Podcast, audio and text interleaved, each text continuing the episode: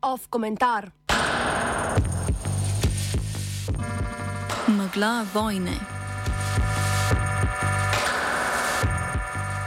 Po skoraj treh mesecih vojne v Ukrajini se Zahod vse bolj konsolidira v enoten blok, ki je nasproten Rusiji. To se danes kaže v ložitvi prošnje Finske in Švedske, da bi prekinili z neutralno zunanje politično držo, ki sta jo Švedska po izbiri, Finska pa po sili razmer vzdrževali med hladno vojno. Cilji sicer še niso povsem poenoteni. Francoski predsednik Emmanuel Macron še vedno poskuša govoriti z Vladimirjem Putinom, v Berlinu pa so še naprej previdni pri vprašanju pošiljanja težkega orožja v Ukrajino.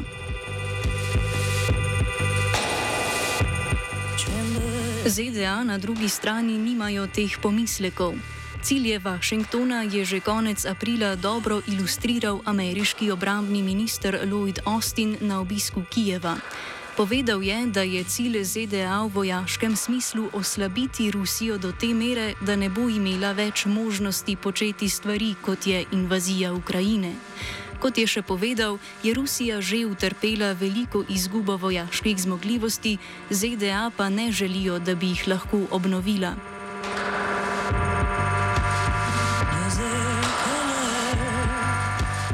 To je dejansko ameriška napoved vojne izčrpavanja proti Rusiji, v kateri pa se na ameriški strani seveda borijo Ukrajinci in ne njihovi vojaki.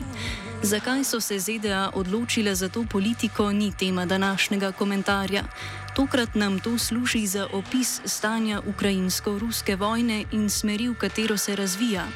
Ameriška vojaška pomoč v obliki 40 milijardnega paketa, ki ga ameriški predsednik Joe Biden lahko porabi po svoji volji, in aktivacija programa Land Lease, ki, bo, ki bo Ukrajincem omogočil, da za ameriško orožje ne potrebujejo svojih finančnih sredstev, pomenita, da bo imela Ukrajina sčasoma dostop do toliko orožja, kot ga lahko uporabi. Obseg ameriške intervencije pomeni, da bo tudi investicija evropskih držav na ukrajinski strani večja, kot bi bila sicer. Ukrajinske vojaške kapacitete bodo zato zrasle.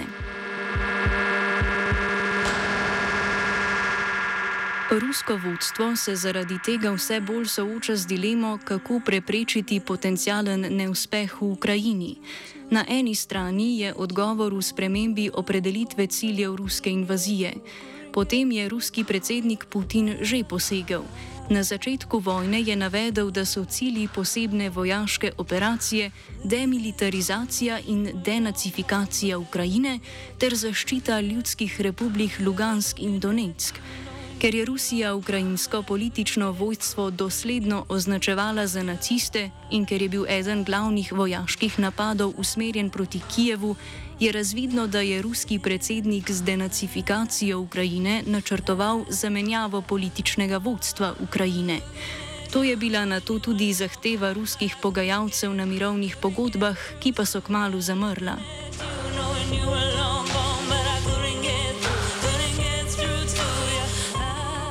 Vojno je na mesto političnega dogovora usmerjalo dogajanje na fronti, kjer je Rusijo presenetil ukrajinski odpor in ji ni uspelo doseči svojih ciljev. Ruski predsednik Putin je na to cilj vojaške operacije preusmeril na Donbass. Nov uradni diskurs je postal, da je bil napad na Kijev le zanka, s katero so ukrajinsko vojsko odvrnili od Donbasa, ki naj bi bil že od začetka glavni cilj. To pomeni zauzetje teritorijev nekdanjih ukrajinskih oblasti Donetsk in Lugansk, ki jih niso nadzorovali voditelji separatističnih ljudskih republik.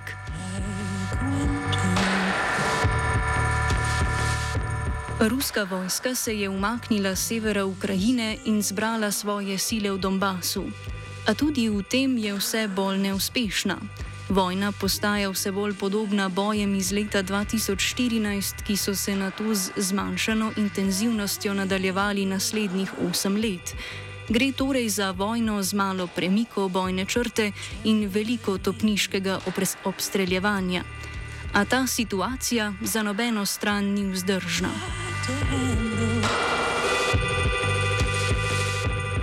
Položaj Ukrajine je kljub samozavesti v Kijevu malo da ne katastrofalen. Mednarodni denarni sklad Ukrajini napoveduje zmanjšanje gospodarske aktivnosti za vsaj 40 odstotkov. Državo je zapustilo okoli 6 milijonov ali 13 odstotkov prebivalcev, še vsaj toliko jih je razseljenih znotraj države. Okoli milijon naj bi jih bilo mobiliziranih v vojaški službi. Območja aktivnih spopadov so tudi regije z intenzivnim kmetijstvom, ki je glavni generator izvoza. Hkrati so ukrajinska pristanišča v Črnem morju in delti Dnepra podvržena pomorski blokadi, železnice pa nimajo kapacitet, da bi nadomestile ladijski promet.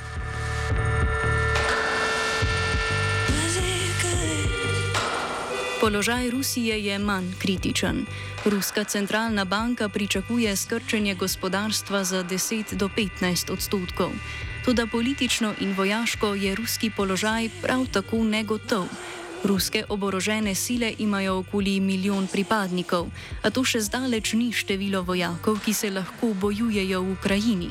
Glede na podatke, ki se deloma sicer zanašajo na vire zahodnih obveščevalnih služb, je v vojno v Ukrajini vključena velika večina operativnih bojnih vojaških enot ruske vojske. Rekrutiranje nacionalne garde, ki uradno ni del oboroženih sil in borcev čečenskega samodržča Ramaza Kadirova, potrjuje, da Rusija vojaških rezerv nima.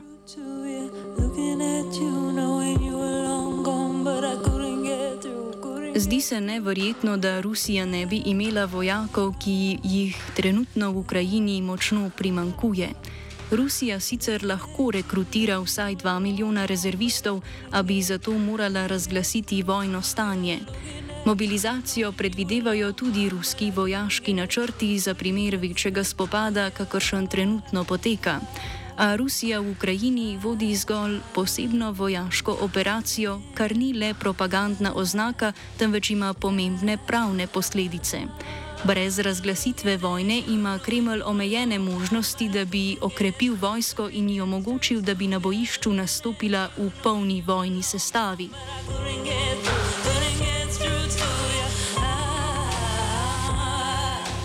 Pomankanje vojakov bo postalo še bolj akutno, ko bo treba vojake, ki so sedaj na fronti, rotirati v zaledje. Vojaki se namreč ne morejo bojevati v nedogled in po nekaj mesecih jih bodo morale zamenjati sveže enote. Rusija v Ukrajino zakonsko ne smore poslati nabornikov, ki služijo vojaški rok, prav tako pa tistih, ki so odslužili eno leto naborništva, ne morejo zadržati v uniformi. Ker Rusija uradno ni v vojni, iz vojske lahko kadarkoli izstopijo celo profesionalni vojaki, kar se v manjšem obsegu tudi dogaja.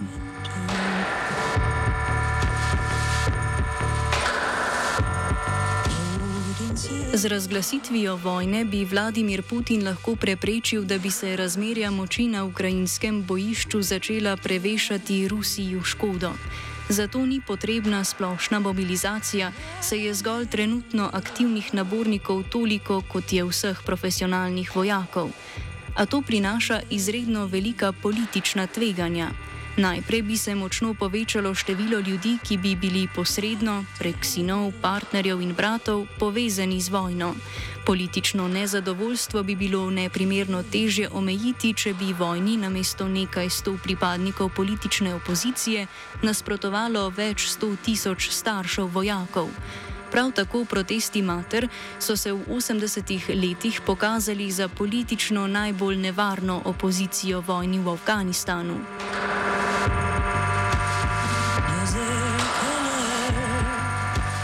Še pomembneje pa je, da bi Putin z razglasitvijo vojne začel izgubljati politični nadzor nad definiranjem ciljev Rusije v Ukrajini in s tem političen nadzor nad vojno kot tako. Rusija je namreč za zdaj tista, ki v konfliktu določa, kdaj se bo končal. Če bi se posebna vojaška operacija spremenila v vojno, bi se močno spremenile tudi zahteve prebivalstva glede vključenosti v politične procese, ki bi vojno končali. Kakršen koli bo razplet spopadov, dejstvo, da gre tudi uradno za vojno, močno dvigne politične vložke, zaradi česar je iskanje drugih načinov, kako spremeniti razmerje moči na bojišču, bolj verjetno. Če bi do razglasitve vojne dejansko prišlo, bi bil za njen konec potreben proces, ki bi imel še bolj nepredvidljive posledice, kot jih je imel spopad že do sedaj. Komentiral je Gal.